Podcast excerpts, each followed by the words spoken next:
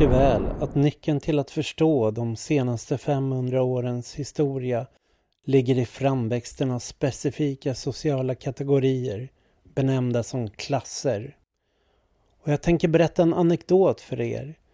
När 15 maj-rörelsen uppstod på Puerta del Sol var jag där med några studenter från min institution, institutionen för statsvetenskap. De var väldigt politiska studenter. De hade läst Marx, de hade läst Lenin. Nu deltog de för första gången i sina liv i en situation med vanligt folk. Studenterna beklagar sig. De förstår ingenting. Vi säger till dem, du är en arbetare även om du inte vet det. Folk brukade titta på dem som om de kom från en annan planet. Och studenterna åkte hem helt deprimerade och upprepade. De fattar ingenting. Jag svarar dem. Kan ni inte se att det är ni som är problemet? Att politik inte har någonting med att göra med att ha rätt. Politik handlar om att vinna. Inte ens den bästa analysen förstår grunderna för den politiska utvecklingen sedan 1500-talet och vet att historiematerialismen är nyckeln för att förstå sociala protester. Men vad ska ni göra? Skrika det åt folk? Ni är arbetare och ni fattar det inte ens. Fienden vill inget hellre än att skratta åt er. Ni kan ha en t-shirt med skäran och hammaren. Ni kan bära runt på en stor flagga och sen gå hem med samma flagga medan fienden skrattar åt er. Folk tror på honom. De fattar vad han säger när han pratar. De fattar inte er. Och kanske har ni rätt. Kanske borde ni be era barn skriva det på era gravstenar. Han hade alltid rätt, men ingen visste någonsin om det.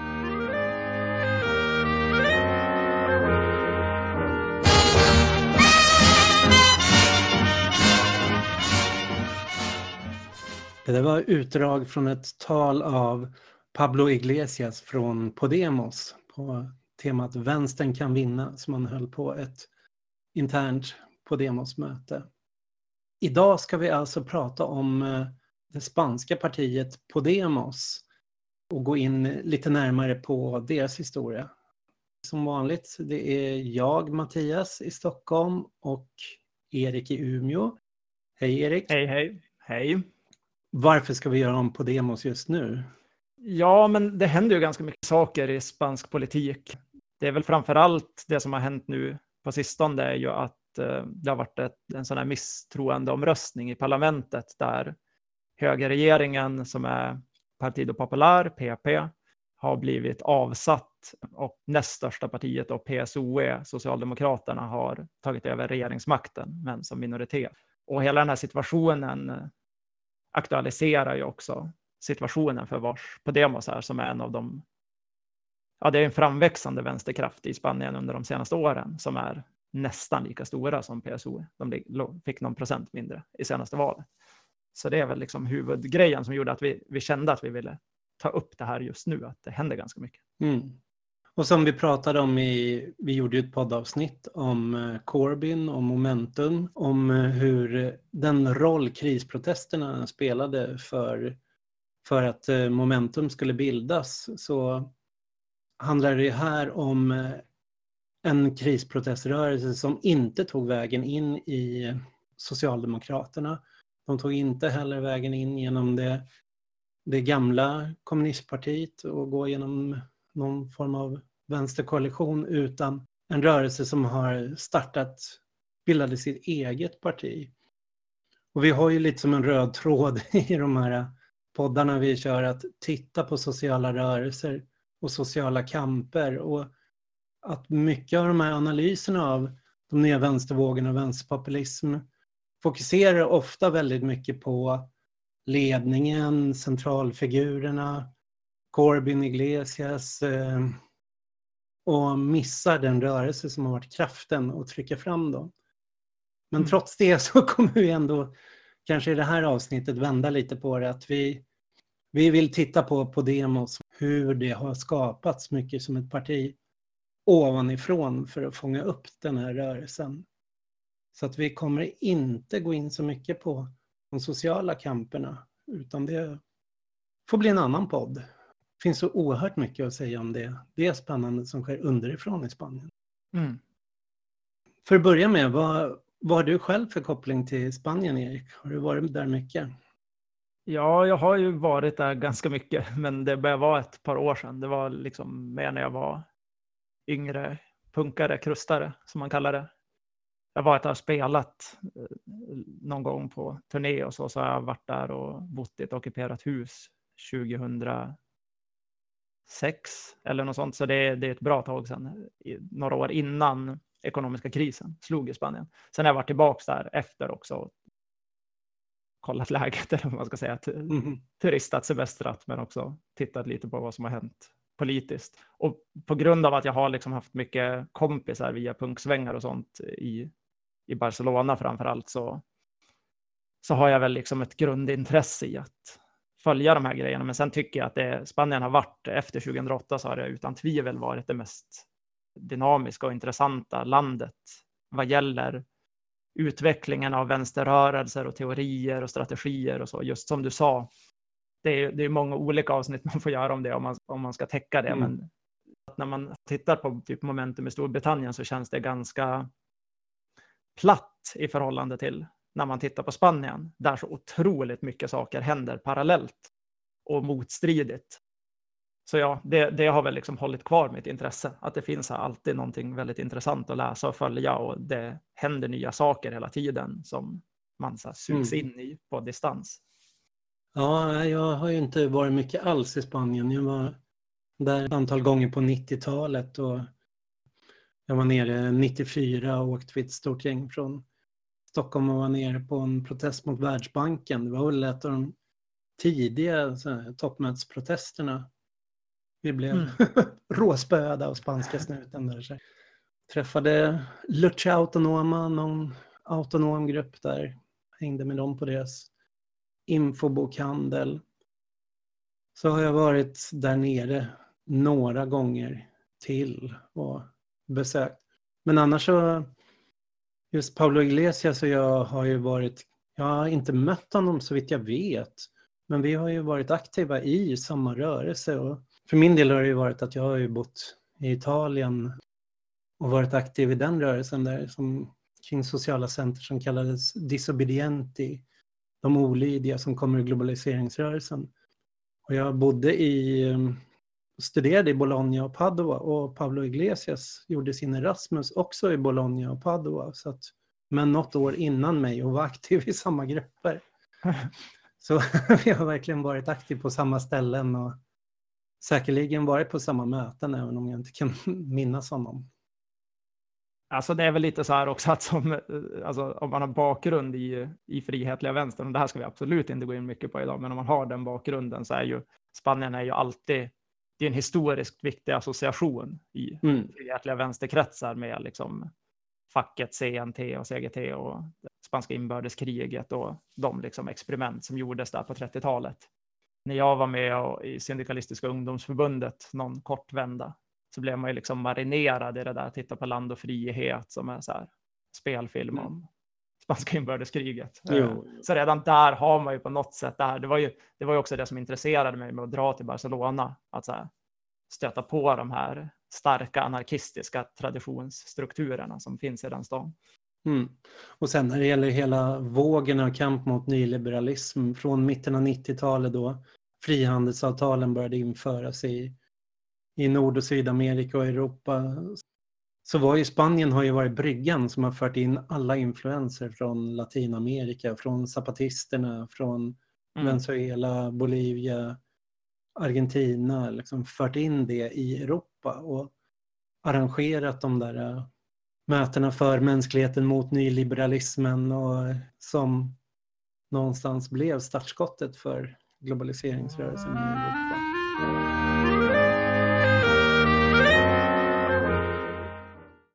Jag tänkte att så här, vi måste börja med någon typ av historisk recap, men den ska inte vara så lång för att eh, vi vill egentligen diskutera eh, de senaste åren efter krisen 2008, kanske i allmänhet mm. också sedan 80-talet, men för att göra det så måste man som ändå eh, ge några sådana här grund, grunddrag tror jag. Det, det, är samma som när vi snackade om Storbritannien, att ha något slags begrepp om den generella politiska situationen, vad för typ av system det är. Jag tycker att det är viktigt också för att när man är engagerad i vänstern så ser man ju ofta folk så åberopa att man ska ta influenser från det där stället. Vi, nu har folk snackat jättemycket i Sverige om att bilda ett svenskt momentum. När Podemos startade så kom samma artiklar så här, vi borde ha ett Podemos i Sverige. Och då måste man liksom börja ge sig in på det här. Så här men vad, vad är de specifika förutsättningarna i Spanien som gör att just den här typen av uppsättning av rörelser eller partier dyker upp just där vid den här tidpunkten. Så här, vad finns det för historiska trådar? Annars kan man inte lära sig så mycket tycker jag, om man inte ja. har det. Vad är det viktiga att säga om Spanien då? Det är väl framför allt att eh, Spanien var en monarki. Spanien har aldrig haft en, en sån här eh, period som Frankrike eller så, alltså en borgerlig revolution, utan Spanien var, det är mer likt Sverige egentligen, fast lite senare än Sverige. Så man hade mm. monarki fram till 1930 då man blev republik. Man hade ett försök, ett sådant försök att störta monarkin en gång tidigare också. det här var det andra. Men 1930 så, så blev Spanien republik. Man hade ett val ganska direkt som den nyformerade högern då vann 1936 så var det ett nytt val i Spanien som då samlade sig vänstern, som ju var, bestod av både kommunister och socialdemokrater och eh, frihetliga och så vidare i någon slags eh, enhetsfront som vann valet 36. Eh, och det blev en ganska turbulent period i Spanien, framför allt så här tjafs mellan den nya vänsterregeringen och katolska kyrkan och de traditionerna i en ung demokrati. Mm. Och då var det ju den här militärgeneralen Francisco Franco som var stationerad utanför Spaniens mainland som blev förbannad och samlade ihop en armé och försökte göra ett kuppförsök mot den då socialistiskt folkvalda regeringen 36. Senare på hösten bara. Franco misslyckades med kuppen. Det utbröt ett inbördeskrig som man väl kan säga är en slags roll-up till andra världskriget det var ett inbördeskrig 36 till 39 där då republikanerna stod på ena sidan och var uppbackade av internationella frivilliga brigader och hade stöd av Sovjetunionen. Och på andra sidan då Franco som försökte göra kuppen var uppbackad av Portugal, Nazityskland och Mussolinis Italien. Så det var ju som en första sån här dragkamp mellan de här maktsfärerna som skulle uppstå sen i mm. andra världskriget. Eh, det kriget höll på i tre år. Franco-sidan vann kriget. Så Spanien återgick efter bara sex år av demokrati till att bli en ja, fascistisk militärdiktatur kan man väl säga. Med väldigt mm. starka så här, romantiska inslag för, för monarkin. Även om man inte återupprättade monarkin officiellt så, så var det liksom hela tiden Francos plan att så här, det stora gamla spanska konungariket skulle återuppstå. Men Franco styrde till 1975 då han dog. Och då hade han förberett en plan där han hade testamenterat makten till alltså den snubben som var prins i Spanien då på 70-talet. Och han var barnbarn till den sista monarken, alltså den monarken som blev avsatt då på 30-talet. Mm.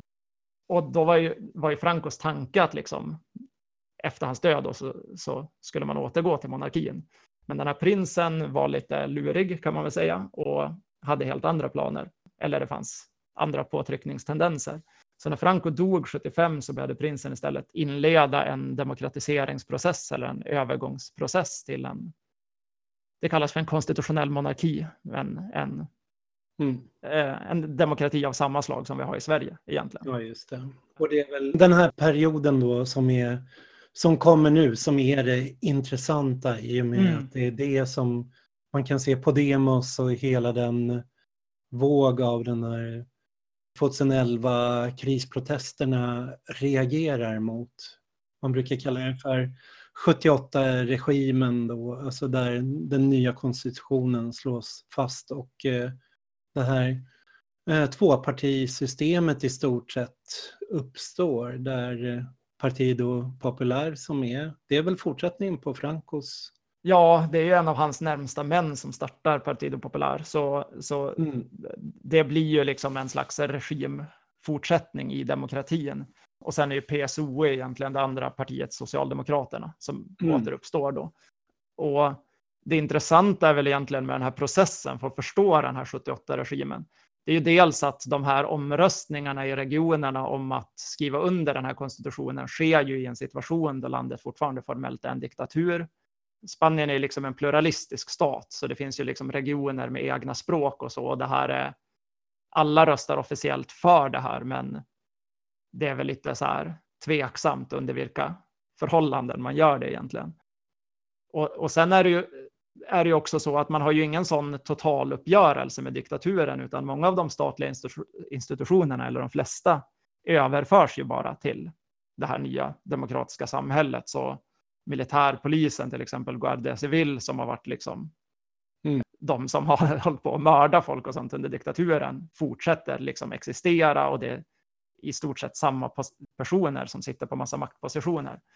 Så på det sättet så ser ju många den här i Spanien, den här 78-regimen med den nya konstitutionen som en slags kanske postfascistisk konstitution och regim snarare än en sant demokratisk. För det här kan man ju dra parallellen till Italien där det var de antifascistiska krafterna, kristdemokraterna, kommunisterna och socialisterna som skrev den nya konstitutionen. Mm. Att den, den var utpräglat antifascistisk och gjorde upp på ett annat sätt mm. än vad den spanska konstitutionen Eller ens Portugal, där Portugal också genomgick samma förändringar på, på 70-talet. Men där det var mycket mer en demokratiseringsprocess som skedde, mm. som följde av det. Jo, det har väl funnits liksom de här diskussionerna inom spansk vänster hela tiden. Sen det, dels har det funnits enorma spänningar med liksom de här regionala gerillorna och sånt som vi inte alls ska gå in mycket på nu. Men där man helt enkelt har grupper som inte liksom erkänner det här som ett demokratiskt system. Men i den mer allmänna vänstern eller moderata vänstern så har man ju haft någon idé om att det måste till en till sån här process. Alltså, man pratar mycket, det finns en konstitutionell debatt som handlar om att liksom, man måste göra en ny, ny mm. konstitutionell process som går bortom den här postfascistiska konstitutionen som man upplever sig leva under. Sen är det ju intressant med för när det här systemet uppstår så har man ju egentligen ekonomin i Spanien blomstrar ju liksom under de här decennierna, 80-talet och 90-talet. Man går med i Europeiska unionen som de flesta andra sydeuropeiska länderna gör. Ja, man går med i NATO och, och det som är viktigt med just EU-grejen är att man får den här förmånliga räntesituationen som är gemensam då för de länderna som kallas för PIGS, alltså det är Portugal, Irland, Italien, Spanien och Grekland. Eh, fast nu blev det i fel ordning. men men eh, de får ju liksom en slags eh, förmånlig ränta genom att gå med i EU när man liksom synkar ländernas ekonomiska politik, vilket gör att det blir liksom enorma investeringsboomar i alla de här länderna. Statsskulden växer mm. jättemycket, det investeras supermycket, man blåser upp bostadsbubblor. Och samtidigt så är på grund av att det här är i synnerhet då Spanien är ett slags liksom, ett samhälle som har gjort den här förflyttningen som man har, så har man haft stora korruptionsproblem.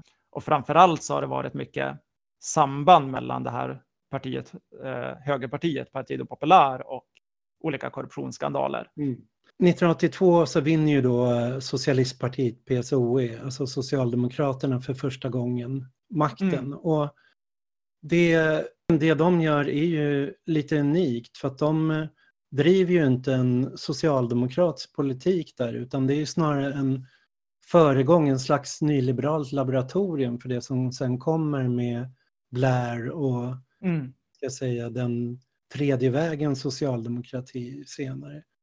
Precis, privatiseringar och, och liknande reformer. Och speciellt då med EG-EU-anpassningarna som ska införas.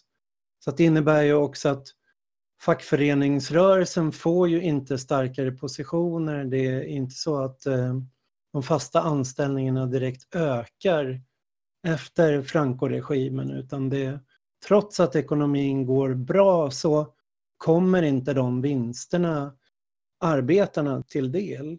Så det blir ju också tre vågor av generalstrejker där vid 88, 92, 94. Jag var ju mm. där nere 94 i samband med de här generalstrejkerna och protesterna då. Och efter det så är i stort sett fackföreningsrörelsen vad ska man säga, krossad eller införlivad. Att det, det sker inte mer arbetarprotester under en lång tag och det fackliga medlemskapet rasar ner till 15 procent och är i stort sett borta som, som kraft, som social mm. kraft. Det är ju det läget också då när Socialdemokraterna har varit med att driva igenom den här nyliberala politiken. Socialdemokraterna har varit med och, vad ska man säga, svika eller krossa fackföreningsrörelsen. Det är ju det läget som då Partido Popular kommer tillbaka till, eller kommer till makten mm. 1996. Så det är mitt under en ekonomisk boom. De kan göra mycket större satsningar på offentliga utgifter på bostadsbyggande och så än vad som gjordes under de här socialdemokratiska åren. Man pratar om det spanska miraklet.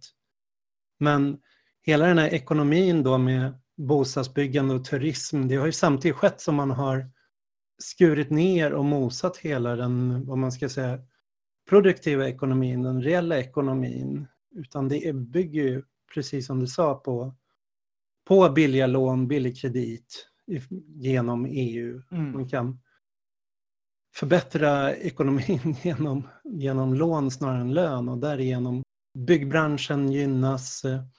Också antalet personer som, som köper sina bostäder blir ju väldigt högt i Spanien jämfört mm. med flera andra europeiska länder.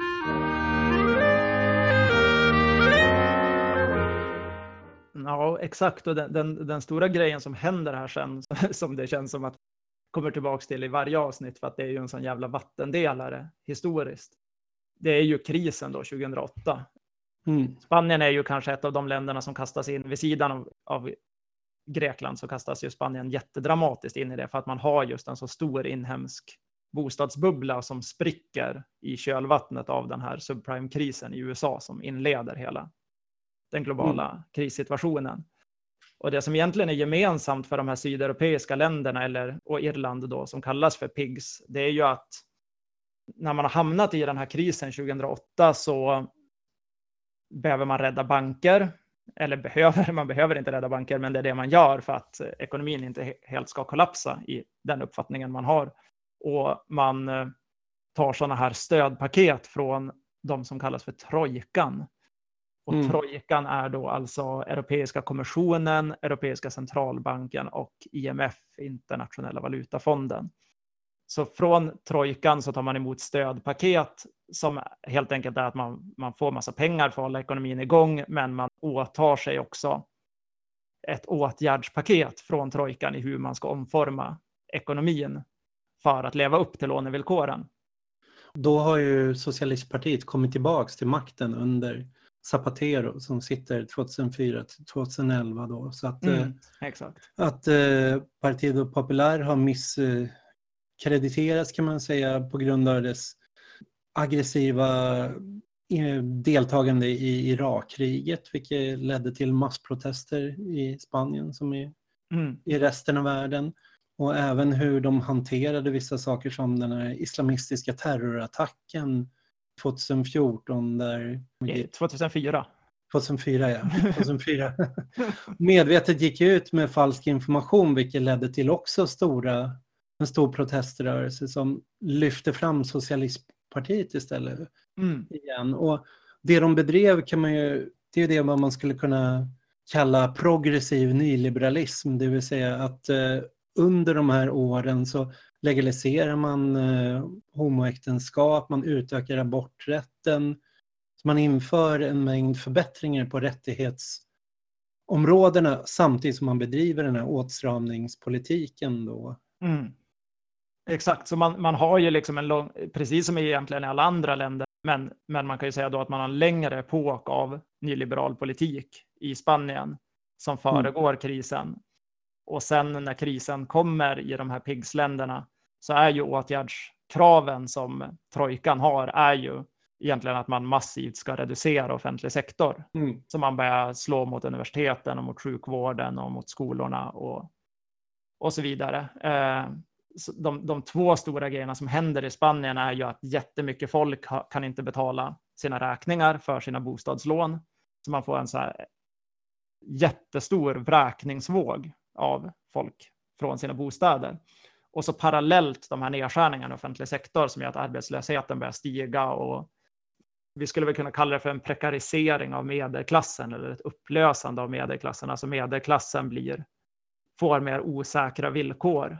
Även om man har liksom haft de här rättighetsförbättringarna så blir det ju liksom väldigt påtagligt för stora grupper i det spanska samhället hur illa den ekonomiska situationen är här mm. åren efter 2008.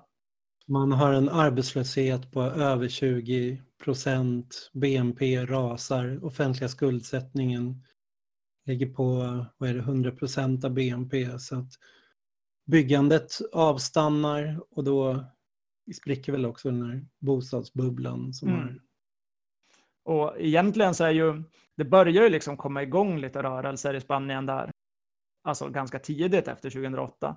Det finns en väldigt intressant rörelse som vi får diskutera någon annan gång, som eh, heter PA. Det står för Plataforma de Afectados por la Hipoteca. Det betyder ungefär de drabbade av bolånen. De startar ju 2009 och börjar liksom bilda massa lokalgrupper för att hjälpa människor i den här skuldsituationen. Men sen är det ju någonting mycket, mycket större som händer i Spanien. Och det händer först 2011.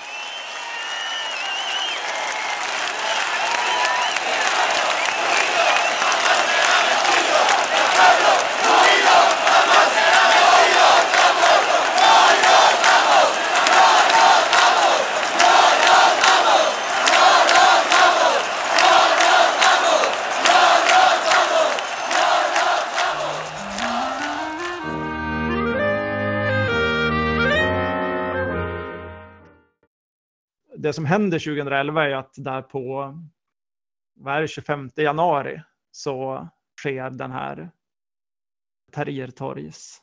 Är det januari? Det, det, är först i Tunisien och sen i Egypten. Arabiska våren-protesterna essentiellt är vad jag försöker säga.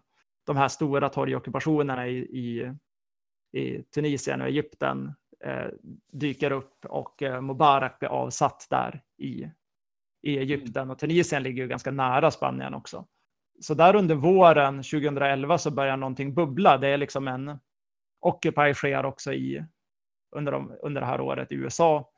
Och det som händer i, i Spanien är att det kommer en inspiration från arabiska våren som leder till ett initiativ som brukar kallas för 15M. Du skämtar om att vi skulle försöka uttala hur man säger det på spanska, men det tänker jag inte göra. Eh, det är en förkortning för datumet 15 maj i alla fall.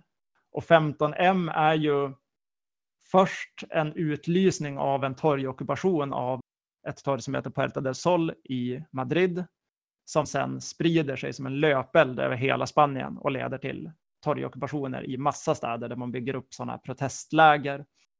Den här rörelsen kallas generellt för indignados eller de indignerade. Deras huvudkrav är demokratia realia, alltså verklig demokrati, nu. Som ju, här kommer ju då den här kopplingen till konstitutionsdiskussionen. Att liksom huvudmissnöjet i den här protestvågen som dyker upp riktar sig mot upplevelsen av en, en brist i det demokratiska systemet, av politisk korruption. Det är de sakerna som hamnar längst fram, även om de här extremt krassa ekonomiska mm. villkoren som bostadssituationen och så finns där och hägrar i bakgrunden så är det ändå det som är liksom det som man trycker på i den här proteströrelsen. Att man liksom vill överskrida det här konstitutionella systemet. Mm. Det, det, måste väl sägas att de här två partierna, PP och PSOE, som vi snackat om, de tecknar ju båda trojkans, eh, alltså när trojkan ger de här nödlånen, så är båda med på tåget att, eh, mm. att acceptera de villkoren så det gör ju liksom att PSOE blir, blir från, från liksom en potentiell väljarröstbas så blir de extremt impopulära på grund av det. Mm. Det finns ju egentligen inga alternativ. Det är verkligen den här there is no alternative situationen i Spanien här efter krisen. Att så här, man har bara två partier i, i princip. Det finns ju massa små partier, så separatistpartier i olika regioner och ett litet vänsterparti som hette EU som jag inte heller kan försöka uttala för att ordet för vänster på spanska är jätte, jättesvårt för mig. men, Enad vänster. Exakt. Men, men, situationen är ju så att det finns ju två stora partier som båda bedriver samma politik, så det finns ju inga val. Liksom. Det är valår också 2011 i Spanien. Så det här sker ju några månader innan ett val, att den här torgockupationsvågen kommer som ja, ja. Kallar Och då har ju Socialistpartiet har ju störtrasat i opinionen och haft sina lägsta opinionssiffror då. Och det hade ju varit en endags generalstrejk från facken bara ett halvår innan där, 15 maj. Men det slutade i ett rätt nesligt eh, avtal där de fick lägga mm. sig mm. kort innan 15 maj. Så att, intressanta med 15 maj också är att fackföreningarna är ju i stort sett borta och Socialistpartiet är inte intressant som ett alternativ överhuvudtaget. Och även det här lilla kommunist eller Vänsterpartiet då, reformerade Vänsterpartiet, Enad Vänster, förstår inte riktigt den här nya protestvågen som sker och går inte in i den aktivt på något sätt.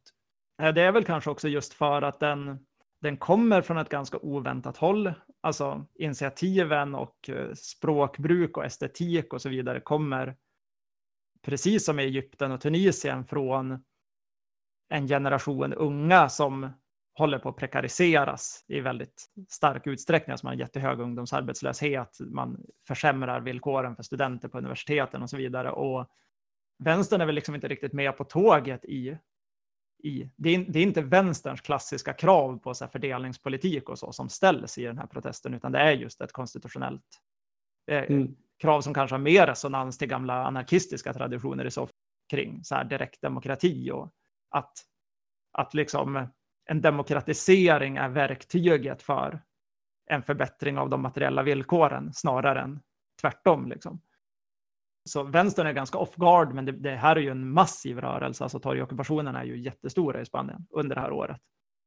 Så vi sitter i den motstridiga situationen att vänstern rasar i opinionsundersökningarna medan 70 eh, procent av de tillfrågade i Spanien ställer sig positiva till 15 maj-rörelsen och 80 procent stöder kraven som ställs på de här torgen. Så det finns mm. ett massivt stöd. 19 juni är väl 2011 är väl piken då miljoner, miljoner tågar i varenda spansk stad och deltar mm. i demonstrationer till, bakom de här kraven. Ja, och sen, sen händer ju en väldigt paradoxal sak här under, alltså de här pågår ju ganska länge, de här torgprotesterna, men de börjar ju liksom ebba av. Jag, jag minns diskussionerna ganska mycket som att man så här, folk sa så här, ja men vi ska liksom upplösa torgockupationerna, men vi, vi ska liksom, andan ska leva kvar i kvarteren och på arbetsplatserna. Vi ska skapa den här 15M-andan i, i vår vardag. Och jag minns att när jag hörde det då så lät det ju fett så här, men man trodde inte riktigt på det och tänkte så här, mm. ja men det där, det där är ju, det är ju någonting man säger, men så här, hur kommer det verkligen att hända i praktiken? För man har ju sett väldigt mycket sådana här typer av protester i, i historien som blossar upp och sen så, så blir det så här business as usual. Liksom. Och det tog ju några år innan man kunde se någonting av det där. Men det intressanta som hände där under hösten 2011 är ju att det då är eh, riksval i Spanien. Mm. Och Socialistpartiet, precis som det har sett ut i opinionsundersökningarna, så rasar ju de med det här miljontals röster. Valdeltagandet sjunker till det lägsta sedan man införde demokratin i Spanien. Jag kommer inte ihåg vad det är nu, men det är så 68 procent eller någonting. Alltså jättelågt valdeltagande, speciellt i jämförelse med Sverige som har ett ganska högt valdeltagande. Och Partido Popular vinner valet för att ja, vänsterväljare skiter helt enkelt att gå och rösta. De är desillusionerade. Det finns inget alternativ som representerar det här. Så högern vinner och eh, vinner med en ganska hårdför agenda.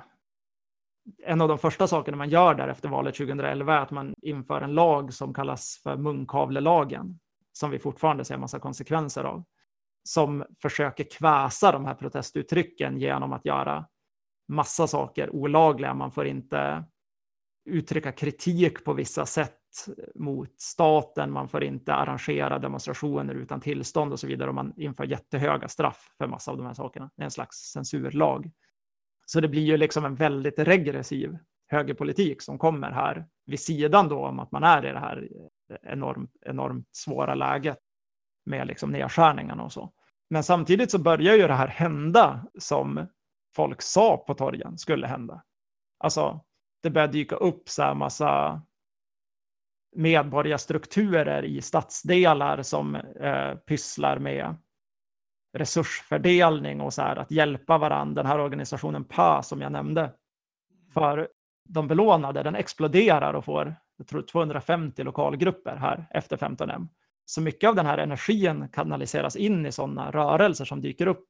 Och det kommer också två väldigt primära rörelser som heter, de heter Maria Blanca och Maria Verde. Och Maria Blanca är en slags eh, proteströrelse kring nedskärningarna i sjukvården och Maria Verde är en proteströrelse kring utbildningssektorn, kan man säga, lärare och liknande. Och Maria är som flodvågor.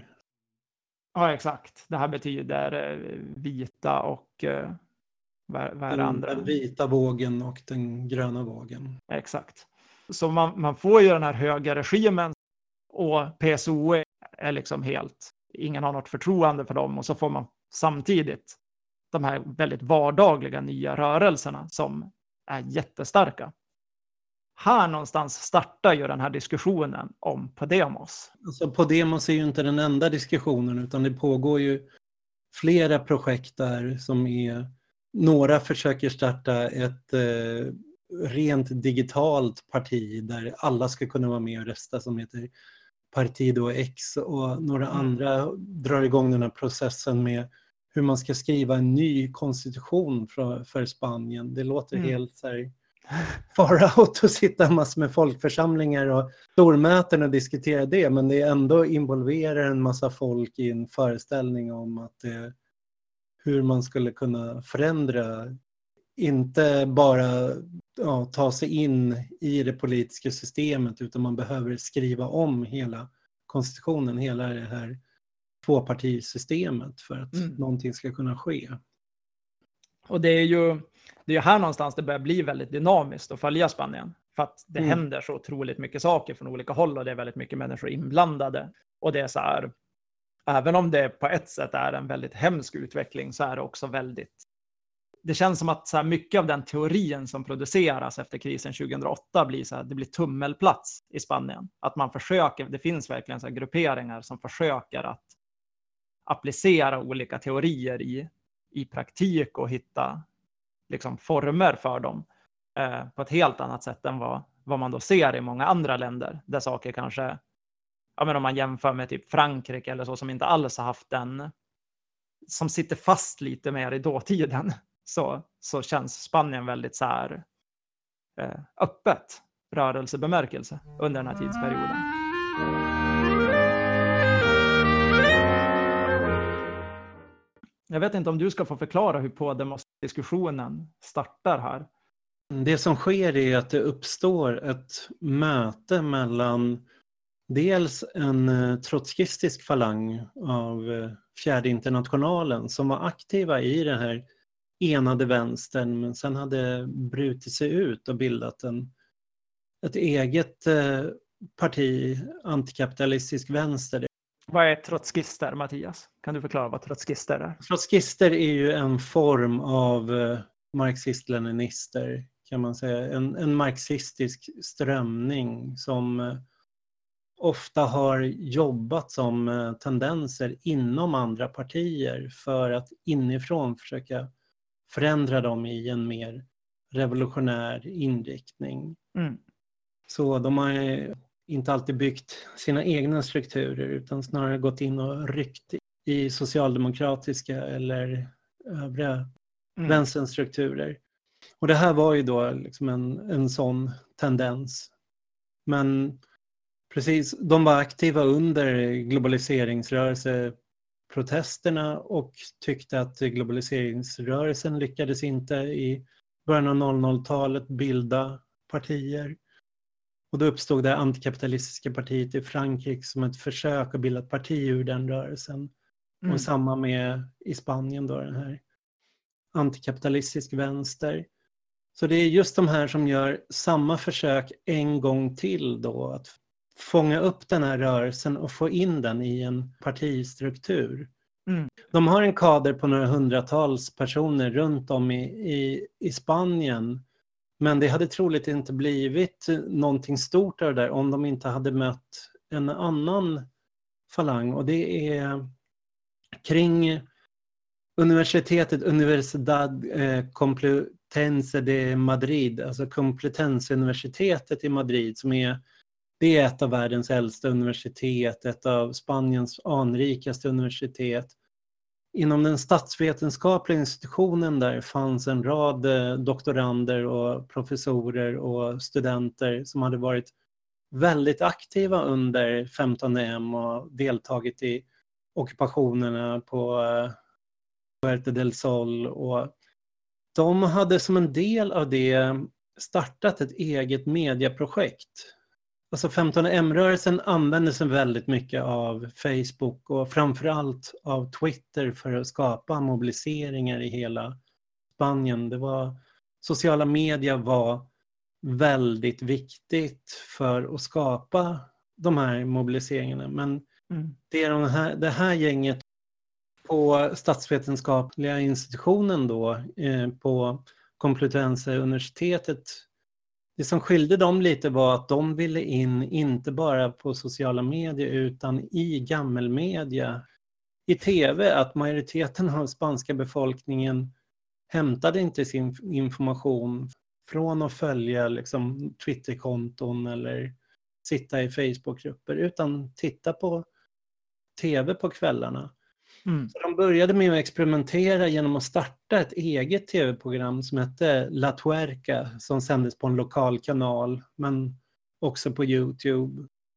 Som ett sätt att lära sig tv-mediet och framför allt lära sig vilka argument som fungerade. Så de mm. tog hela retoriken, hela sättet att diskutera från torgockupationerna, från 15 M och sen satt de och putsade, putsade, putsade på den där retoriken för att få den att liksom fungera i debatter. Och därefter så började då Pablo Iglesias, som var en av dem i den här kretsen, eh, att medverka i olika ja, debattprogram på tv och blev ett stående inslag och blev väldigt populär. Att han var väldigt effektiv i att liksom eh, mosa motståndarna, vad man ska säga, mm. i, i alla tv-debatter och kunde liksom ta, ta debatten där, inte i sociala medier utan i, i vanliga media. Och den här La Tuerca-kretsen eh, och eh, den trotskistiska då, antikapitalistisk vänster, de beslöt tillsammans att eh, i januari 2014 bygga upp partiet Podemos. Exakt. Och det de såg i grunden var ju det här att det, om det nu är 80 procent som stöder kraven från 15 M och det finns alla de här proteströrelserna, men eh, vänstern på något sätt lyckas inte på något sätt eh, knyta det här till sig eller representera det här, ta in det här i en parlamentarisk kamp. Så, då, så ambitionen var ju snarare då att då, då behövs det ett nytt projekt som kan ta det här språket och ta det här sättet att eh, eh lyfta de här frågorna. Mm. Och det här sker ju alltså när det här lanseras då i början av januari 2014 så är det egentligen med sikte på EU-valet, alltså EU-parlamentsvalet i Spanien. Och det beror ju på att mycket av den här krissituationen i Spanien är kopplade till de här villkoren från trojkan. Och man har den här processen i Grekland där partiet Syriza har uppstått och fått makten och blivit ganska hårt ansatta, får man väl, mm.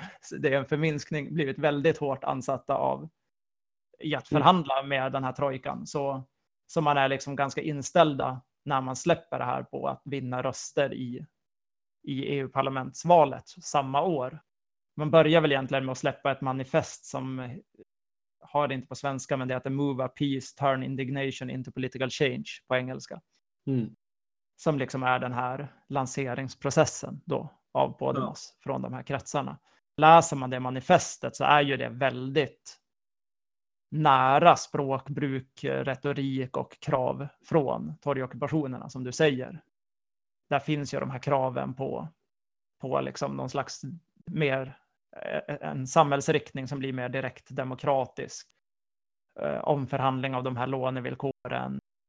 Och det, det man kan se som på Demos gör, för att det är i maj när bara några månader efter de har bildat så vinner de fem platser i EU-parlamentet. De får 8 mm. procent av rösterna.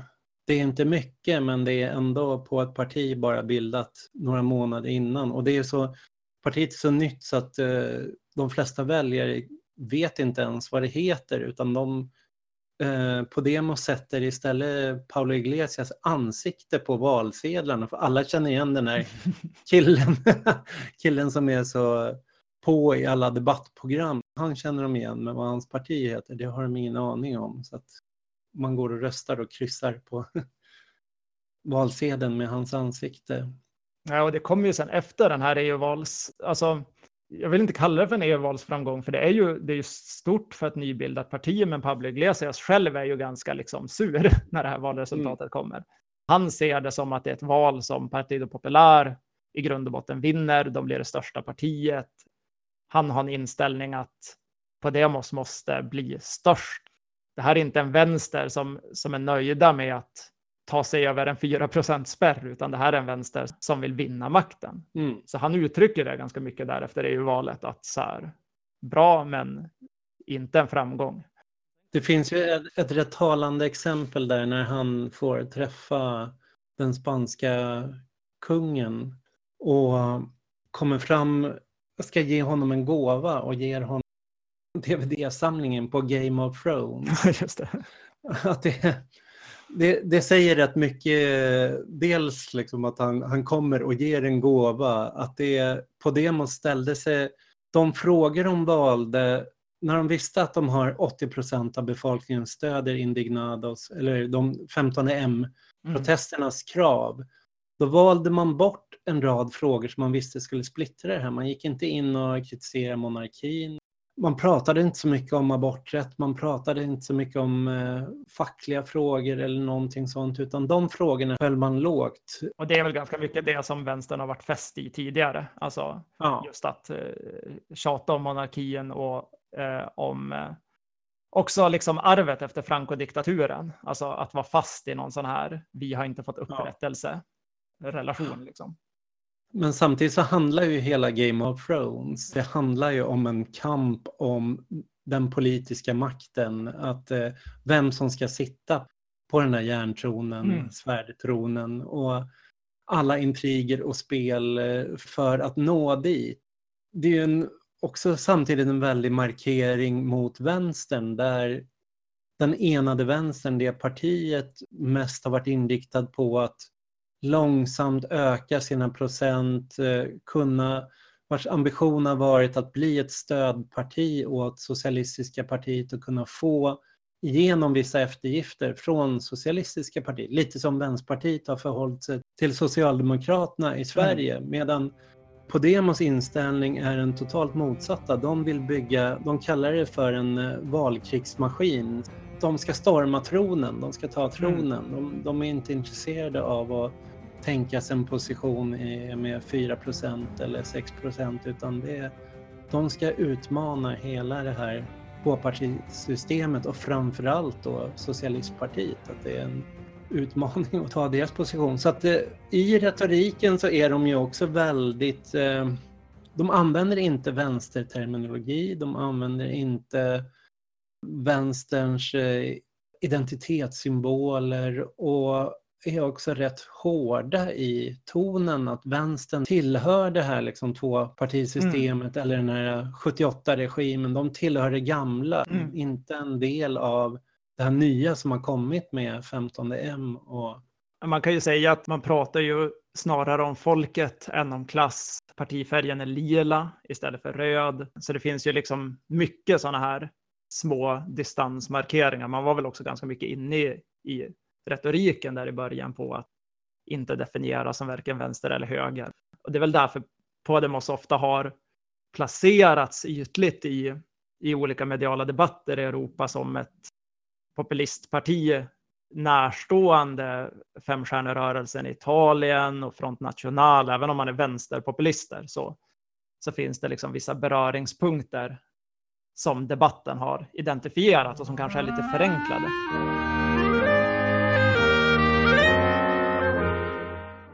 Jag vill säga en till sak med att du tar upp den här valkrigsmaskinen. Det är ändå väsentligt är att nämna att det här är inte riktigt en, en entydig linje i Podemos, utan det är väl tvärtom vad vi kommer att måste diskutera ganska mycket nu.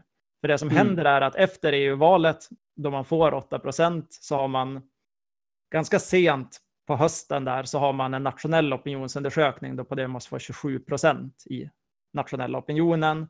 Man ser ut att kunna bli största eller näst största parti i nästa riksval, det är det kommande året.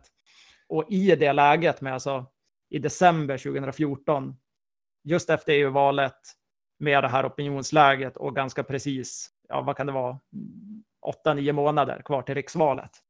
Då har Podemos en kongress på en arena som heter Vista Alegre i Madrid.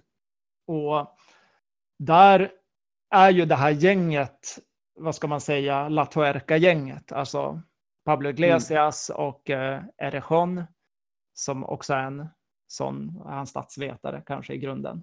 Ja, de, de lägger ju då fram den här så kallade valkrigsmaskinen-strategin på den kongressen. Och det är ju en idé om att så här, nu har man några månader till ett val och även om man är ett parti som har försökt knyta an till 15M och de här sociala rörelserna och så, och under de här första året som man har funnits har man pratat, man, man har inte lokalföreningar utan man har cirklar, man har massa idéer om att man ska rösta direkt demokratiskt om saker i partiet som man också inför i strukturerna. Så man liksom mm. bildar ett parti som rör sig i en riktning bortom de traditionella partistrukturerna och är någonting ganska nytt när man tittar på det här under 2014. Men på mm. den här mm. kongressen, när man ligger så här bra i opinionen och får det här momentumet, så kommer den här Latuerka-kretsen och lägger fram det de kallar för krigsmaskinen-strategin på kongressen som egentligen går ut på att riksvalet ska, huvudvalstrategin i riksvalet ska styras av en kärnkrets i partiet som då består av det gänget egentligen. Och vara inriktad på att göra så här, vad ska man säga? Det är en form av gerillatillslag i opinionen. Exakt, så hastig, exakt. hastig medial kampanj Blitzkrig beskriver de det. ja, och det, det handlar ju väldigt mycket om att liksom gå in i så strategiska debatter i tv och sånt och bara skämma ut eh, PSOE totalt för att liksom kunna fånga det här momentumet och bli största eller näst största parti i det kommande valet. Det finns ju en opposition vid det läget i Podemos som är då bland annat de här trotskisterna och andra antikapitalistiska falanger, folk som kommer från kanske mina och dina kretsar mer alltså autonoma och som är emot den här valkrigsmaskinsstrategin och vill att Podemos snarare sakta ska liksom röra sig mot att bygga någonting nytt. Mm. Vara kvar i det här, liksom. Att det tar tid när så här, bygga en djup gräsrotsrörelse där besluten faktiskt kommer underifrån och är förankrade. Man är, man är ganska rädda för att liksom en sån här ledarkrets ska bli blind för saker som man ja. kanske inte ser när man bara sitter och tittar på tv-debatter och opinionsmätningar. Man har egentligen en kritik som är ganska träffande för typ vad Socialdemokraterna håller på med exakt just nu i Sverige. För Socialdemokraternas mm. valkampanj i Sverige just nu är ju precis det här. Alltså bara sitta och minutiöst följa opinionsundersökningar och lägga fram utspel som ska vara tajmade för att så här, signalera olika saker till olika väljargrupper. Man tänker så här, ja men först gör vi ett utspel som vinner det där segmentet och då har vi vunnit dem och då kan vi börja prata om välfärd sen. Typ så tänkte mm. den här ledarkretsen i Podemos också. Så här, man identifierade olika skikt som man skulle vinna och synka. Det är ju en väldigt paradoxal strategi, eller så här partiuppbyggnad, att å ena sidan ha en väldigt eh, frihetlig struktur med det är lätt att gå med, det är lätt att ställa förslag, det är lätt att få sina förslag framlyfta och genomröstade. Alla kan delta på omröstningarna, man kan bara registrera sitt konto och bli medlem och delta direkt i liksom utforma partiverksamheten. Men samtidigt finns det en eh, väldigt centraliserad struktur där det är en, en gruppering som har professorer, eh, doktorander som har verkligen tänkt ut hur man ska agera i vissa frågor, bestämt språkbruket, bestämt lagt upp hela den här liksom krigsstrategin för hur man ska gå tillväga. Mm. Jag tänkte jag kanske ska göra en liten utflikning där om ideologin. Vad Iglesias och Erijon har hämtat sina föreställningar för. För att det är just de här trotskistiska falangen, eh, antikapitalisterna, de, även om de bidrar med en kader och en struktur till det här projektet till en början så blir de ju rätt snabbt förbisprungna. De sätter inte alls mycket färg på den politik som Podemos drivs utan det är ju det här Latuerca-gänget som, som kommer att färga det. Mm. Paolo Iglesias, om man tittar på hans eh, doktorsavhandling och så vad han har lagt fram. Han, jag berättade ju i början att han, eh, han var aktiv precis som jag i globaliseringsrörelsen och de här de olydiga disobedienti i Italien och han var på toppmötesprotesterna i Genua. Det var Erigion och de också. Det de tog med sig därifrån, från den här diskussionen i det man gjorde där med var ju ett försök att samla, istället för att vara en liten radikal militant falang så var det hur kan man samla så många som möjligt i en konflikt, att gå ut, bedriva olydnadsaktioner och det gäller att vara väldigt tydlig med hur man skapar konsensus kring alla frågor man jobbar med, få med brett och också skapa konflikt kring det, att det ska vara en tydlig motpart som man agerar mot. Och det här förutsätter en väldigt bra kommunikativ strategi, att man, man får skippa begrepp och sånt som inte når ut, som folk inte förstår, utan istället försöka ta, ja, hela tiden anpassa språkbruket, problemformuleringen, fånga upp de krav som skapar största möjliga samling och radikalitet i vissa frågor. Så det var det som eh, Iglesias avhandling handlar om, som man tar med sig därifrån. Mm. Samtidigt så den eh, här statsvetenskapliga kretsen på Complutense universitetet, de jobbar ju väldigt nära den här populistiska vågen i Latinamerika som följer efter globaliseringsrörelsen med, med Chavez i Venezuela, Bolivia, det som sker i Brasilien, rörelser i Argentina, John till exempel, han eh, bor delvis i Latinamerika och är rådgivare åt, åt Chavez. Så att det finns ett organisatoriskt väldigt tajt samarbete där, där man försöker se hur ska man föra in den latinamerikanska situationen, den latinamerikanska vänsterpopulismen till Spanien. Mm. Så att man har man har ju gått igenom hela den praktiska skolan där nere som man tar med sig tillbaks. Och samtidigt då finns ju de här teoretikerna Ernesto Laclau och Chantal Mouffe då som man kan säga, man kan kalla dem för postmarxister som läser den här italienska gamla marxisten Antonio Gramsci, hans teorier om hegemoni. Men där mm. Gramsci pratar om hegemoni som en form, hur ska man få skapa en form av samling eh, kring olika sociala klasser, olika grupper att eh, enas i gemensamma projekt.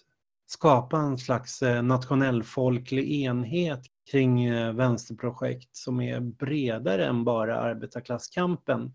Mm. Så det Laclau och Moff gör, och det här kommer vi komma också in i senare poddar, för att säga väldigt kort, det är att de diskuterar inte längre sociala klasser, grupper. De ser det här betydligt mer öppet, att det finns en mängd olika krav, olika behov i samhället. Vissa får artikulation, att de kan fångas upp av fackföreningsrörelsen, av välfärdsstaten eller av, en, av högern som kan genom klientelism, genom ge gåvor och gentjänster mot att få röster, få sitt stöd. Sen finns det stora grupper som inte har någon kanal alls där de kan nå ut, som inte känner att det är någon som lyssnar på dem, ser dem, där de kan... Så projektet för MOF och Laclau, det är att upprätta mot den här nyliberala hegemonin så gäller det att upprätta en mothegemoni, att det gäller att samla alla de krafter som inte är lyssnade på nyliberalismen eller blir artikulerade och hitta ett sätt att förbinda de här. Mm. Och då är ingen kamp, inget subjekt centralt. Det är inte gruvarbetarna eller vårdarbetarna eller något sånt, utan snarare ser de att det här, det finns en rad olika krav, rad, rad olika behov. Det viktiga är att hitta de där frågorna som kan få ihop allt det här, liksom, knyta ihop mm. det här. Det är ett majoritetsprojekt. Ja, och det projektet, eh, de kallar det för en tom betecknare för att den betecknaren behöver liksom inte, det gör ingenting att den är vag. Det viktiga är vad den samlar, det viktiga är vilken effekt den har. Mm. Det som eh, Iglesias och de tar med sig det är att de hämtar även där från Italien där några journalister på en eh, Corriere della Sera som är typ Expressen hade skrivit en bok 2007 som heter La Casta som är La Casta beskriver hur politiker eh, och liksom eh, näringslivet och så är som en egen kast. Det är som en egen klass, det är ett eget kotteri där alla bara verkar i sina egna intressen och mm. är egentligen totalt Det spelar ingen roll vad du röstar på för att eh, den här kasten kommer verka för, för att stärka sig själva den här retoriken tar, tar Iglesias med sig till Podemos och använder då Laclaumos teorier där de pekar ut som en så här, tom betecknare, kasten, det är problemet. Det är tvåpartisystemet och byggbolaget, finansen, de korrupta politikerna, de korrupta bankerna. Det är en kast. Det är, alla de har samma intressen. Mm. Och mot dem står det här då mångfalden av krav som man förbinder till någonting som inte är en klass utan det man kallar la gente, eh, folket. Alltså inte pueblo, folket i ska man säga nationalfolklig bemärkelse utan mer vad vi kanske skulle säga vanligt folk. Så att det är mm. vanligt folk mot kasten och det är där som hela den retoriska apparaten då som Podemos bygger på är att göra den här uppdelningen där La Casta står för det gamla, det gamla systemet, den här 78-regimen och det är 15M har lyckats samla de här 80 procenten som stöder 15Ms krav är La Gente, liksom den mm. folket. Och folket är liksom alltså ingen etnisk eller nationell eller historisk entitet som man ska lyfta fram och vända sig till, typ Sverigedemokraternas retorik, utan Erechon är väldigt tydlig i det där att folket är någonting man skapar. Han har skrivit en bok med MOF som just heter det, liksom skapa folket. Det är det som uppstår när du förbinder alla de här i den här motsättningen. Så mm. Podemos projekt är att skapa ett folk mot den här eliten. Mm.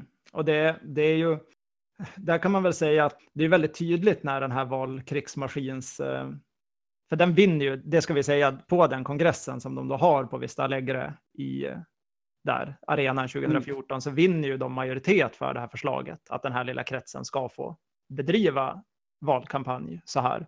Och huvudspåret då blir ju exakt, det är ju väldigt format av de här teorierna. Man fokuserar väldigt mycket på 78-regimen, på korruption. Det är ju då en jättelång process kring Partido Popular som har pågått sedan, ja, jag vet inte, den har pågått i ganska många år där, där det är en stor korruptionshärva som de är inblandade i, men som hela tiden blir förhalad att komma till rätten. Så korruption är liksom super i fokus för den här valstrategin. Och den fokuserar också ganska mycket på att rikta in sig på individer i den här styrande kasten. Att avsätta mm. specifika korrupta individer det är som det som kärnan, den retoriska kärnan i den här valkampanjen.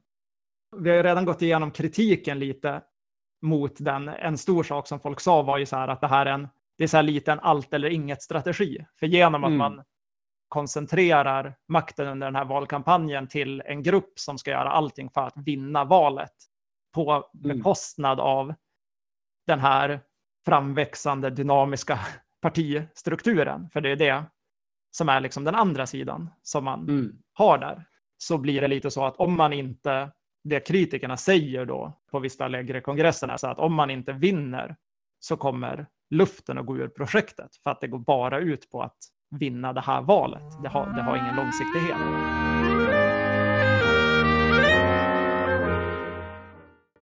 Och det där är superintressant med vad som händer sen, för att det är ju då val 2015 och först så är det på våren så är det lokalval i Spanien. Och då ställer Podemos inte upp generellt själva, utan det, det händer liksom en process som, kommer, som också kommer ur 15M och Indignados lokalt.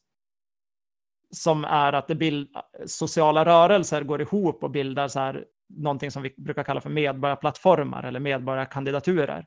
Det är så här personer från eh, de här grupperna, alltså PA och Maria Blanca och Maria Verde och vissa fackföreningar och så vidare som ställer upp tillsammans i lokalt fokuserade medborgarplattformar med väldigt tydliga, de är väldigt, om Podemos blir väldigt populistiska så är medborgarplattformarna inte så populistiska utan de är snarare så här extremt konkreta i så här, det här och det här och det här är våra lokala problem i Madrid eller Barcelona eller Valencia och vi ska här, lösa de här grejerna under mandatperioden.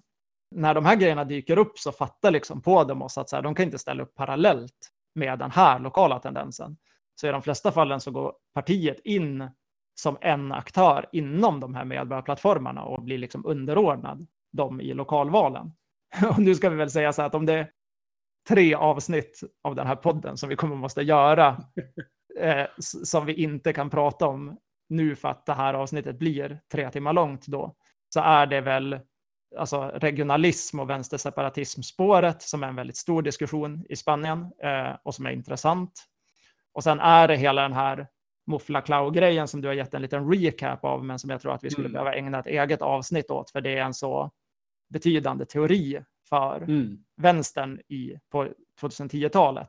Och sen är väl den tredje grejen är de här medborgarplattformarna som man då kanske ska separera som projekt från Podemos och diskutera specifikt så här, vad är det de har gjort och vad, vad skiljer det liksom. Men Podemos gick in under dem i lokalvalen och då i lokalvalen i maj 2015 så vann de här medborgarplattformarna makten i massa städer som väl gick samman under en beteckning som de kallar sig för rebellstäder. Man vann i medborgarplattformen som heter Barcelona en Comú, vann i Barcelona och Ada Colau blev borgmästare där. Eh, Ahora Madrid vann i Madrid och man vann också i tror man vann i A Coruña, Valencia, Zaragoza, alltså massa stora städer. Fyra av Spaniens fem största städer togs av medborgarplattformarna. Mm. Och, det, och i, i, speciellt i Barcelona finns det ju en stark vänstertradition, men i Madrid var ju det här ganska så här. Där hade ju Partido Popular suttit lokalt och styrt jag tror i princip sedan demokratin infördes. Liksom. Så det var ju en jätteskräll. Och Podemos var ju då liksom en del i en aktör inom de här plattformarna. Men det var ju som en helt annan strategi som de hade i lokalvalen, som inte då är synkad riktigt med Podemos riksagenda under det här samma året. Och här kommer vi in på så här hur otroligt dynamiska saker var eller är i Spanien. Att så här mm. hände så mycket parallellt. Det finns ju så här såklart beröringspunkter eftersom att båda måste del i det här. Men jag vill inte kalla det för populism för att jag tycker att det är fel beteckning på vad som hände i de där lokalvalen. De är snarare väldigt förankrade och mm. pragmatiska mm. kanske man ska kalla det. Tillbaks till rikssituationen så i den här valrörelsen som sker på riksplanet så är väl en av de stora grejerna som händer att genom att den här La Tuerca-gänget i Podemos fokuserar hela valdebatten på korruption och på att avsätta olämpliga individer och göra så här hastiga medieutspel och att liksom det är formen. Det är inte så här en folklig mobilisering utan det är så en retorisk valdebatt i media kring de grejerna. Så händer det någonting som Podemos inte riktigt har räknat med och det är att det finns ett ganska obetydligt parti i Spanien som hette eller heter Ciudadados. Vad betyder med, medborgarna? Eller Precis, betyder? det betyder medborgarna. Mm. Eh, och Ciudadados har funnits tidigare, men när den här valdebatten liksom kommer igång så börjar de få ett, också ett medlemsinflöde av liksom en höger medelklass som också är missnöjda med samma situation men inte liksom är generellt vänster. Och det partiet börjar profilera sig på samma frågor så de blir liksom ett slags eh, nyliberalt höger Podemos som inte har det här arvet som Partido Popular har. Så på samma sätt som Podemos positionerar sig mot sossarna så positionerar sig Ciudadados mot Partido Popular som en så här, mm. vi ska rensa ut skeletten antikorruptions nyliberal höger, liksom. Och dyker in i den här valrörelsen och börjar polla ganska högt. Så då har man liksom den här situationen att lite av det momentumet som man hade inför den här kongressen splittras plötsligt upp mellan ett sånt högerparti och ett sånt vänsterparti som båda utmanar tvåpartisystemet. Mm. Och då har man väl sett att eh, de som stöder på demos i det här läget, en tredjedel är väl klassiska vänsterröster. En tredjedel kan man säga är röster som ligger mer ja, mot socialdemokratin, liksom till, mm. till höger om vänstern så att säga, eller mitten, är mer till mitten.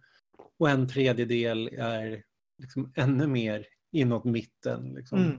nästan mellan Socialdemokraterna och högern. Och det här är väl egentligen lite om man liksom följer svenska valdebatter och, och typ vad som skrivs om Sverigedemokraterna så ser man ju så samma tendenser. Att, att Sverigedemokraterna är liksom den enda proteströsten. De är det enda partiet som inte, då har man Vänsterpartiet som har suttit och liksom stött sossarna i massa situationer och så. Så man har så här, du vet, sjuklöversbegreppet och den här idén mm. i svensk valdebatt om att det finns här de etablerade partierna och så finns det Sverigedemokraterna som har monopol på att vara missnöjesrösten. Och följer man alla de här väljarundersökningarna kring SD så ser man ju så här hur de är lite fragmenterade och hur de på grund av att de är den enda proteströsten så kan de hela tiden fånga in ytterligare grupper som kanske inte riktigt är överens om vissa saker.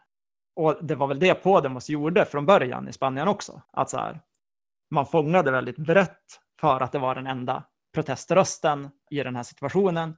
Men sen kommer Ciudadados och splittrar upp det. Och så är det val där då på hösten 2015. Podemos får 21 procent i det här valet. Och, och sett till att vi snackar om ett parti som bildades alltså ja, ett och ett halvt, två år tidigare, så är ju det en total skräll. Tvåpartisystemet som har funnits i Spanien under hela, sedan 78 konstitutionen då blir ju liksom uppsplittrat av det här valet. Men lite viktigare här är att Partido Popular blir fortfarande största parti. Jag vet inte, med några procents marginal. De får väl 25-26, något sånt. Mm. PSOE får 23, alltså sossarna. Så de blir liksom en och en halv procents marginal större än Podemos som blir tredje största parti. Och sen Ciudadados får då, kommer inte ihåg vad de fick i det här valet, men de fick också ganska mycket, typ 13 eller någonting.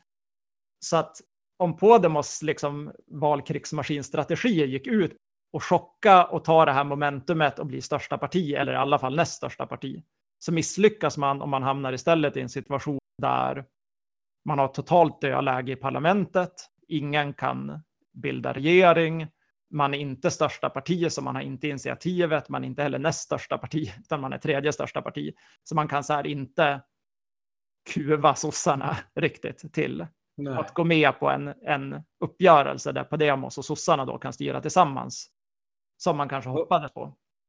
Och då kommer hela spelet om eh, vilka allianser, vilka stora koalitioner, vilka överenskommelser ska göras. Mm. Ja, och det där, blir ju, det där bryter ju samman totalt. Liksom.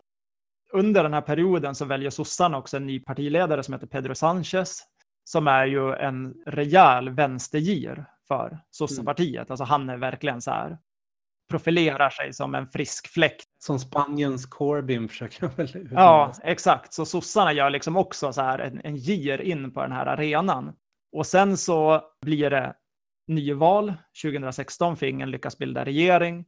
Och då går Podemos ihop med det här lilla vänster, gamla vänsterpartiet som du har kallat för enad vänster, EU. Också ett litet parti som heter Equa som är typ Miljöpartiet. Och bildar en valkoalition, eller en sån här, ungefär som KD kom in i riksdagen i Sverige egentligen. Mm. Alltså, de här får stå med på Podemos lista som då heter Unidos Podemos i omvalet. Tanken är då att genom att få in de röstgrupperna också så ska man liksom lyckas maximera upp sig den här sista biten förbi PP och PSOE i ny nyvalet. Men istället förlorar man en miljon röster och blir mindre tillsammans än vad man blev separat då i valet 2015. Podemos Unidos landar på exakt samma procent som Podemos fick själva i 2015-valet. Och Partido Popular är fortfarande störst och PSO är näst störst och Ciudadanos har också mycket röster. Så samma läge uppstår igen.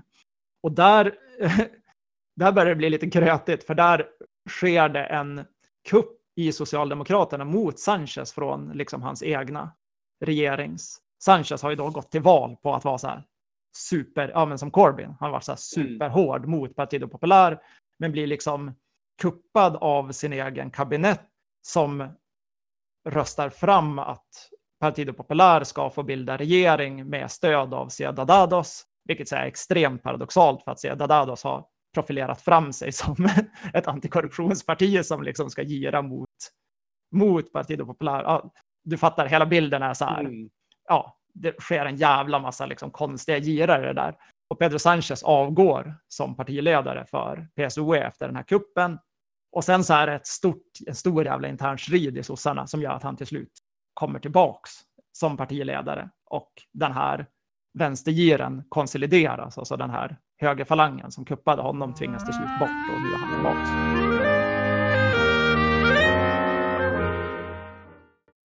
Men om vi ska gå tillbaks till Podemos lite i det här, så, så är ju de då i en situation där de har testat den här valkrigsmaskinstrategin och de har liksom inte kommit dit de har velat med den. De är stora som fan, har mycket ledamöter i parlamentet.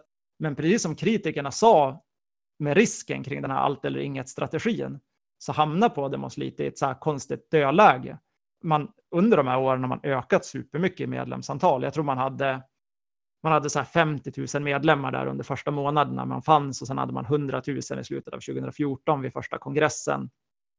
Och här då efter 2000, alltså i början av 2017 så har man 400 eh, 000 medlemmar. Så man börjar vara, man är näst största parti i medlemsantal i Spanien. Men, men det känns lite som att liksom luften har gått ur saken. Mm. Helt plötsligt så från att man hade den här liksom stora idén om att bli någonting annat än det gamla systemet och så, så har man liksom blivit konsoliderat mer som ett parti som gör sina taktiska utspel och så. Och så här. Man har mycket medlemmar, men processen har liksom dött av lite i partiet kring den här eh, vitala rörelsedimensionen. Så det är ju superintressant så här, kring vad, vad kritikerna sa skulle hända. Mm. Och sen har man ju en till kongress då på Vista Allegra igen, samma arena, 2017. Och då blir det ju någon typ av maktkamp mellan Erejon och eh, Pablo Iglesias som tidigare mm. har drivit den här valkrigsmaskinstrategin tillsammans där Pablo Iglesias så här, ger upp den för att försöka återkonsolidera sig med de här rörelsekritiken i Podemos. Han är så här, ja men vi måste tillbaks till cirklarna och vi måste tillbaks till den här processen som vi höll på med. Medan Erejon är väldigt inriktad på att så här, hitta ett sätt att förhandla med sossarna, att avsätta Partido Popular, komma överens om en så här mittenkompromiss där man får makt men ger upp ganska mycket av sina krav. Så det är det den liksom, andra kongressen kommer att handla om väldigt mycket. De är ju väldigt unga båda de här personerna. Iglesias är ju, eller han är född 78, vad är han då, 40 år. Mm. R. John är född 83, mm. så han är väl runt eh, 35 år. Det är roligt att titta på bilder på honom. Ja, verkligen. Han ser ut lite som den här... Som en pojke. pojkutseende, verkligen. Ja. För det jag förstått när jag, när jag har pratat med folk som är aktiva i Podemos och är från Spanien och det är de har varit, varit väldigt noga med att poängtera liksom, så här, men det finns politiska diskussioner, så här, men sen nu har de blivit mer och mer, nej men det här handlar mer personlig. De, de, de tycker inte så himla olika. De kommer ju från exakt samma krets, har deltagit i, i samma diskussioner. Iglesias vill mer återknyta till den här medlemsbasen men han har ju också varit väldigt mycket för det här samarbetet med enad vänstern som... Som Erechon var emot. Han, han tyckte liksom, eftersom att han ville kompromissa med sossarna så var ju han emot ja. att man släppte in det här gamla Leninistpartiet då i samarbetet för att han såg det som ett sätt att bli mer, ja, stänga ja. dörren för mot sossarna. Erejons projekt är ju det här mothegemonibyggandet. Liksom, Mm. att det, det är mer ett, eh, inte ett eh, valkrigsmaskin utan det är ett eh, ställningskrig, ett positionskrig där man bygger sina skyttegravar, man bygger sina fästningar, gräver ner sig, är mer långsiktigt och där han mer hämtat influens från Latinamerika, hur man Mm. har steg för steg bygger, bygger maktbaser och inom, inom systemet snarare än att bara snabbt storma det. Mm. Och det är väl det vi har, vi har ju sett det med många populistpartier, både på höger och vänsterkanten i Europa, hur, Mm. hur det funkar, liksom det här enträgna, liksom vi är folket mot eliten, positionerandet där man så här sakta har växt från att vara marginalpartier till att vinna över hegemonin och till slut bli den parten alla måste förhålla sig till. Så att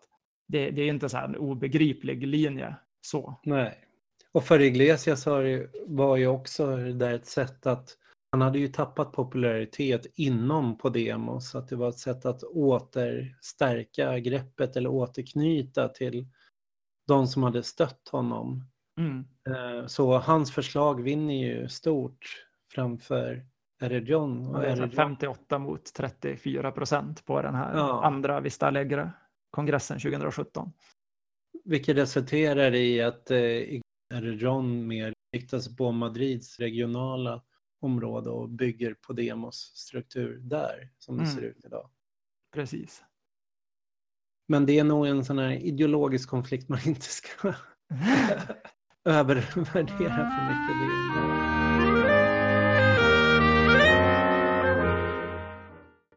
Sen uppkommer ju ett annat eh, problem för Podemos och det är ju då katalanska Mm. självständighetsrörelsen och det stora momentum och uppsving den får. Ja, det där är ju, det är ju intressant för Mm. Podemos har ju där varit väldigt svårt, för redan om man tittar på det här första programmet, Move a Peace, Turn Indignation into Political Change, så finns ju den där frågan med. Att så här, man skriver i det första manifestet att Katalonien ska få rösta om den här frågan. Man nämner Skottland också. Att så här, det är vägen framåt för Europa, att regioner ska få så här, rätt till självbestämmande. Men det där är inte en helt lätt fråga inom Podemos. Och när Katalonienkrisen dyker upp där, det som händer är ju att man har en så här allians i Katalonien mellan höger och vänsterseparatister som vinner valet med väldigt liten marginal och sen eh, rätt okonstitutionellt så utlyser man en folkomröstning för att Partido Popular vägrar gå med på som en form där det kan ske legalt. Så man utlyser en folkomröstning som möts av massa repression från regeringen och så blir det ju massa kaos kring självständighetsfrågan i Katalonien. Och Podemos kan liksom inte riktigt förhålla sig till det här läget. De, de, de försöker liksom välja en mittemellan position där liksom de här traditionella partierna, PSOE och Partiet Popular, är liksom extremt hårdföra med sin nationell, nationella enighetslinje. Det har liksom funnits där ända sedan 78-konstitutionen, den frågan. Man har kuvat separatiströrelser. Medan Podemos är ju för att man ska gå i riktning mot, inte mot att Katalonien ska bli ett eget land, men att Spanien ska skapa en ny konstitution som är mer, alltså en konstitution som baseras på att man har en multinationell stat i juridisk bemärkelse med jättehögt nationellt självbestämmande i de här regionerna. Så man är ju egentligen för liksom den riktningen, men man kan inte riktigt ställa sig bakom den här processen som startas i Katalonien. Så då säger man så här ungefär att vi är för att det ska hållas en folkomröstning i frågan. Och så blir man väldigt klämd mellan den här enorma polariseringen mellan Partido Popular som är regeringsparti och de katalanska separatisterna som liksom är så här helt i konflikt med varandra. Och i Podemos så börjar det där till slut splittra Iglesias och Erechon och riksledningen från den katalanska avdelningen av Podemos som liksom mer och mer är tvungna att ge efter för att ställa sig med separatisterna som man också man är liksom klämda i så här rent realpolitisk bemärkelse gällande potentiellt framtida styre av regionen, men också det lokala styret i till exempel Barcelona och vissa andra städer där medborgarplattformarna styr. Så är man ju klämda i att man är beroende av parter att samarbeta med, för man har inte egen majoritet. Och det tar väl udden lite på Demos, att den här frågan tar över hela agendan i den spanska politiken där 2017 allting blir liksom en fråga om katalansk versus spansk nationalism och alla de här sociala frågorna som Podemos har velat driva försvinner liksom från dagordningen. Och det är omöjligt att diskutera dem. Det är omöjligt i Barcelona att diskutera typ bostadsfrågan för att allting är bara så här. Ta ställning till det här. Eh, det säger ju, jag har ju pratat med mycket kompisar om det, liksom, om den stämningen i Katalonien. Eh, som tycker att den är väldigt desillusionerande. Att liksom, det här sociala mm. momentumet som fanns för vänstern har liksom sipprat mellan fingrarna av den här eh, separatistkonflikten.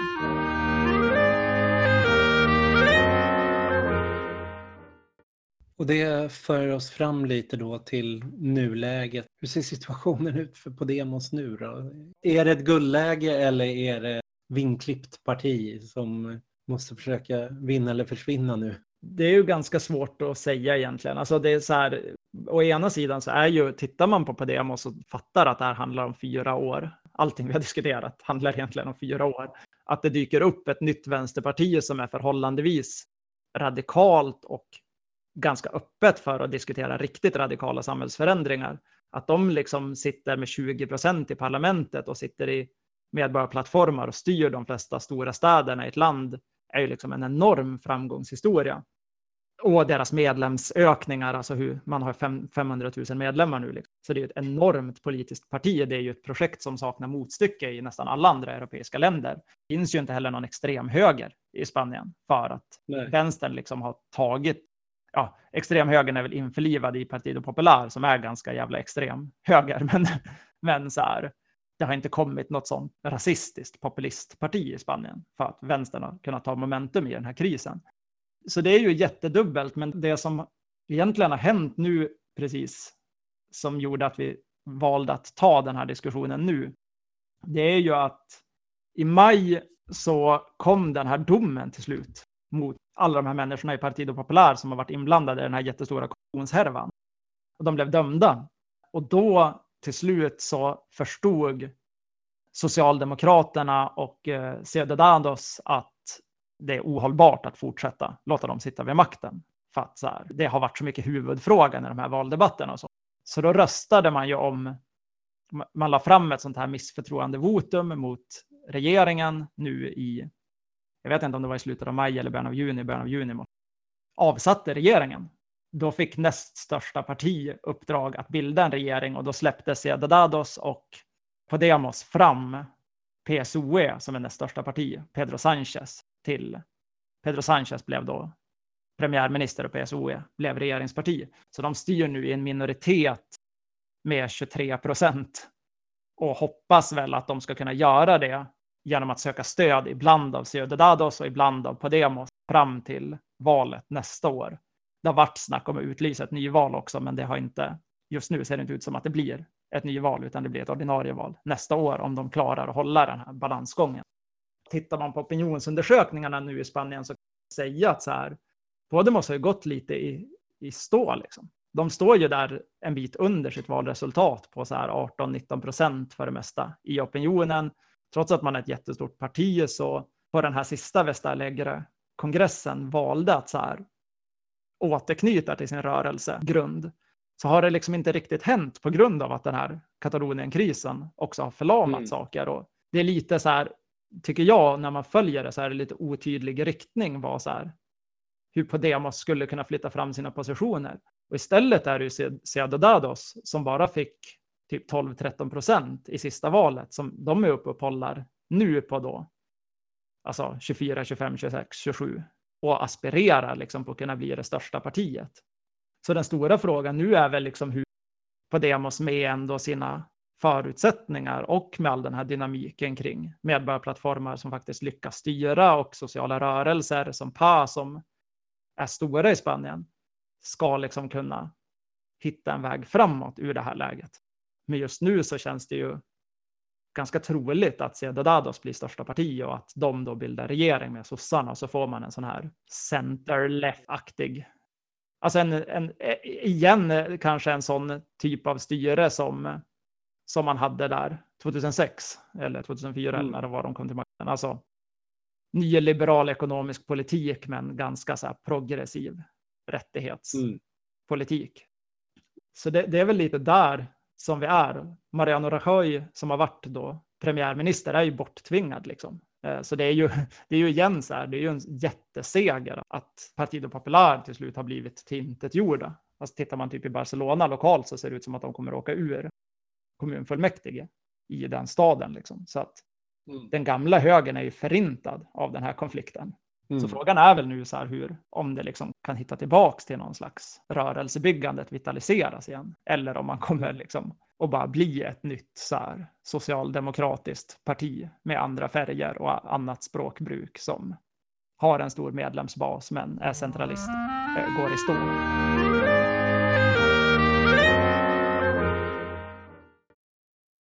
Ja, och det är ju med tanke på hur mycket diskussionen går nu om vänsterpopulism så är det ju ändå intressant att se där man verkligen har försökt tillämpa de här strategierna. Mm. För den här valkrigsmaskinstrategin, den är ju inte långt från vad Chantal Mouffe och de står. De är ju, när de föreställer sig formandet av en mothegemoni som ska ta kampen så är det ju en väldigt snabb process. De tittar ju lite på hur Trump kunnat samla styrkor, samla rätt olika krafter och snabbt gå till, till makten eller hur Corbyn mm. har kunnat stiga rätt snabbt. Det är ju inte något att eh, skapa lokalföreningar, få ett fäste genom arbetarrörelsen, få erfarenhet genom att driva kommunala ekonomier, förbereda sig för att partiet kan gå både bakåt och framåt och vad gör Nej. man i en minoritetsposition och så. Det finns ju inga diskussioner utan det är ju verkligen men samtidigt är det det som är en frisk fläkt med det, när man är så trött på de här vänsterpartidiskussionerna eller någonting som, som bara vill se vilka vilka små förändringar kan vi liksom få som eftergifter utan verkligen diskuterar liksom hur ska mm. vi faktiskt utmana makten? Hur ska vi faktiskt ta kampen om makten? Det, det, är, ju... det, det, är väl också så att i, även om så här, jag och du är, är, kanske båda två lite skeptiska till den här teorin för sig, så är ju det som har gjort Spanien så intressant är ju att de här sakerna så här sker samtidigt. Så även om så här, om bara Podemos hade bildats och gjort den här grejen så hade man kanske suttit och varit ganska, ah, det där, det där känns inte så vettigt liksom. Men nu finns ju alla de här medborgarplattformarna och de här nya rörelserna liksom, som dök upp efter krisprotesten och så också. Och det känns som att snarare i dynamiken mellan de olika strategierna och att det överhuvudtaget finns en så här vänsterrörelsedebatt som inkluderar jättemånga människor. Det är det som gör det optimistiskt jag, jag menar, jag har tänkt lite på så här, vad, så här, vad kan man lära sig av det här? För tillbaka till den där grundfrågan att så här, det fanns när Podemos mm. dök upp så satt folk i Sverige och sa så här, men vi borde bilda ett, ett Podemos i Sverige liksom. Och jag tror att när jag och du satt och så här, chattade om det för, då, för några år sedan, då var vi båda två lite så, så här, ja men de, de missar alla de här andra bitarna av vad som har hänt i Spanien. Och det där är väl det som gör lite det svårt att bara så här, tänka sig en kopia av Podemos till Sverige är ju att just på grund av att demokratin är så ung i Spanien och institutionerna är så instabila därför, eller inte har så liksom lång historia av att vara just, alltså krafter är inte så institutionaliserade kan man säga. Så, mm. så finns den här öppenheten, alltså en grej som PA som var den här då drabbade av bolånerörelsen, den kunde ju dyka upp för att det inte finns ett hyresgästföreningen som funnits i hundra år. Och på samma sätt så finns det inte de här fackföreningskolosserna som är helt internaliserade i så här förhandlingssystem, alltså egentligen en del av en statlig struktur. Det är en möjlighet i Spanien som kanske inte är applicerbar riktigt i Sverige, där man måste tänka annorlunda. Samtidigt så tycker jag att det finns väldigt mycket att lära sig av de här diskussionerna i hur de har diskuterat retorik och symbolspråk och vissa så här delar av de här muffla klau-grejerna är ju intressanta att ta med sig, men med vetskapen mm. om att man applicerar dem i en annan situation.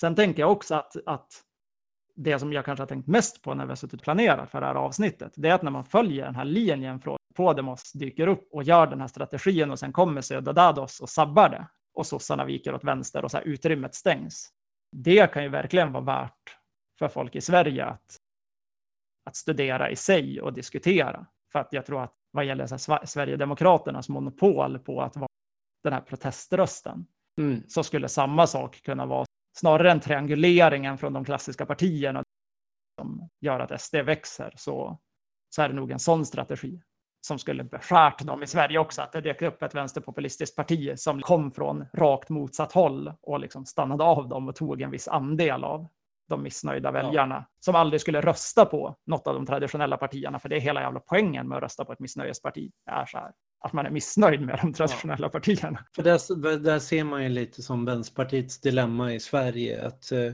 majoriteten av befolkningen stöder vinstbegränsningar eller vinststopp i välfärden och prioriterar också som vård och de frågorna som väldigt viktiga men man är inte beredd att rösta på Vänsterpartiet, den fråga som hårdast har profilerat sig och driver de här frågorna.